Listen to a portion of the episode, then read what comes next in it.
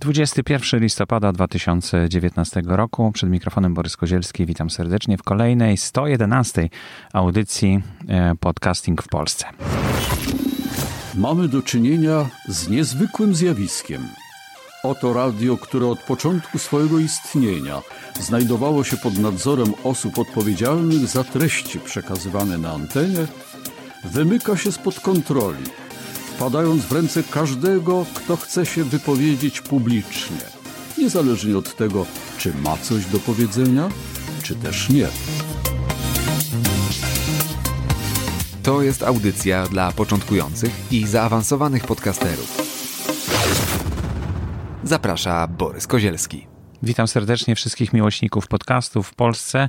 E, jak pewnie słyszeliście, zeszłotygodniowa audycja z informacjami o badaniach E, które narobiły dużo szumu wokół e, podcastingu w Polsce, no i bardzo słusznie, jest kontynuowana. Będzie prawdopodobnie za tydzień kolejny odcinek rozmowy z tutaj z Radkiem i Michałem, którzy to badanie przeprowadzili, na temat tego, jak, jak ono może wpłynąć na rynek podcastów dla podcasterów, czy to jest zagrożenie, czy to jest możliwość, jak tę możliwość wykorzystać, o tym będziemy rozmawiać e, w następnej audycji. Niekoniecznie za tydzień, może za dwa tygodnie.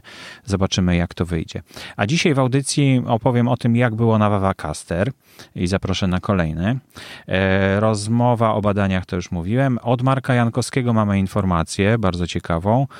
Grupa dla podcasterów muzycznych to już chyba mówiłem o tym, ale powtórzę. E, no i to wszystko e, w dzisiejszej audycji będzie, ale jeszcze mam e, taką zapowiedź podcastu, znaczy opowieść o podcaście od Dominiki, którą dostałem na e-maila. Bardzo dziękuję, Dominiko. Jeśli ktoś z Was zaczyna przygodę z podcastingiem, to bardzo zapraszam do prezentacji swojego podcastu w moim podcaście Podcasting w Polsce.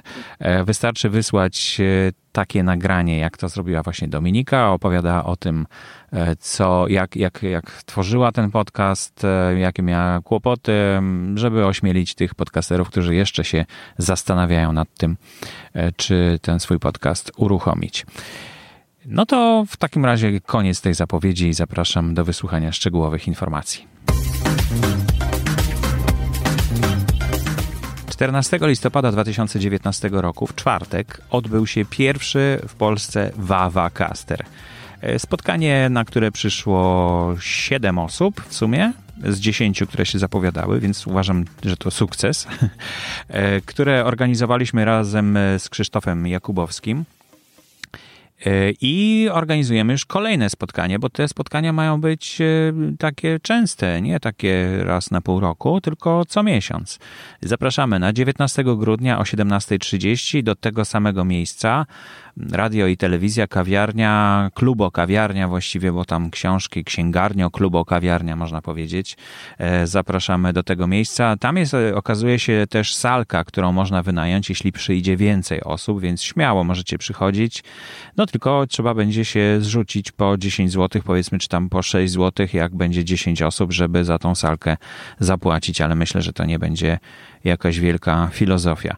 E, spotkanie było bardzo dla mnie szybkie. Niestety musiałem iść do teatru. Byłem już umówiony w teatrze e, Syrena na 19, na 18.30 bodajże, więc musiałem szybko wychodzić.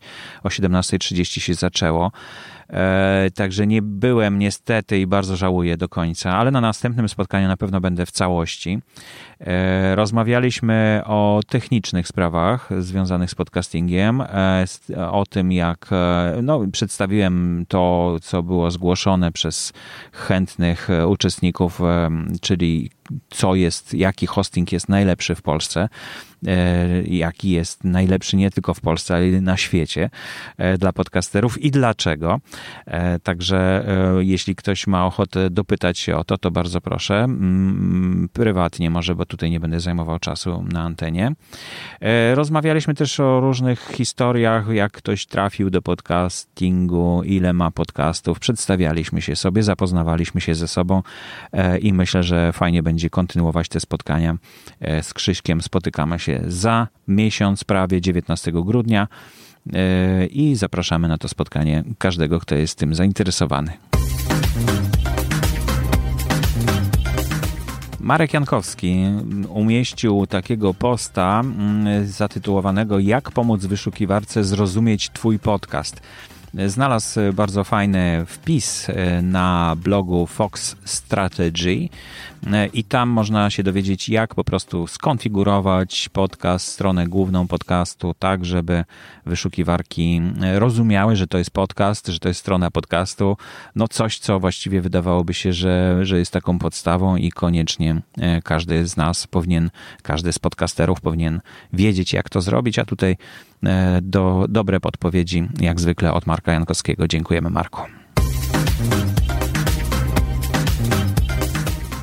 Mam na imię Dominika i nagrywam podcast Obraz Tygodnia, w którym przybliżam słuchaczom wielką sztukę. W każdym odcinku Obrazu Tygodnia prezentuję dogłębną interpretację wybranego przeze mnie obrazu lub grafiki – Chcę, by każdy mógł cieszyć się sztuką nie tylko poprzez patrzenie, ale także poprzez interpretowanie jej na różne sposoby. Wierzę, że to wzbogaca naszą wrażliwość i ogólne obycie. Każdy odcinek trwa zaledwie kilka minut, ale staram się dobrze wykorzystać ten czas i przekazać samą esencję. Nie zanudzić, a raczej zachęcić do obejrzenia dzieła, czy może nawet kupienia go, ponieważ opisywane obrazy są wystawione na Allegro. Najtrudniejsze w stworzeniu tego podcastu było znalezienie formy, która poruszy artystyczne dusze i te młode, które dopiero kształtują swoją wrażliwość, y, czyli maturzystów, i tych wyrobionych odbiorców sztuki, intelektualistów, i tych, których już niewiele może zdziwić, czyli dekadentów. Trudne były dla mnie wszystkie techniczne zagadnienia. Chciałam zrobić podcast, który będzie miał swoją stronę, żeby można było obejrzeć obrazy i grafiki, o których mówię. E, co ciekawe, samo nagranie pierwszego odcinka nie było trudne, choć obawiałam się stresu. Było emocjonujące.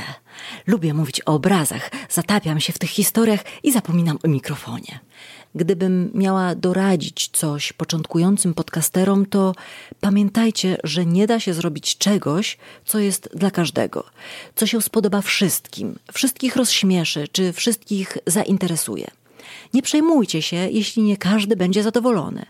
A na frasunki polecam stronę obraztygodnia.pl.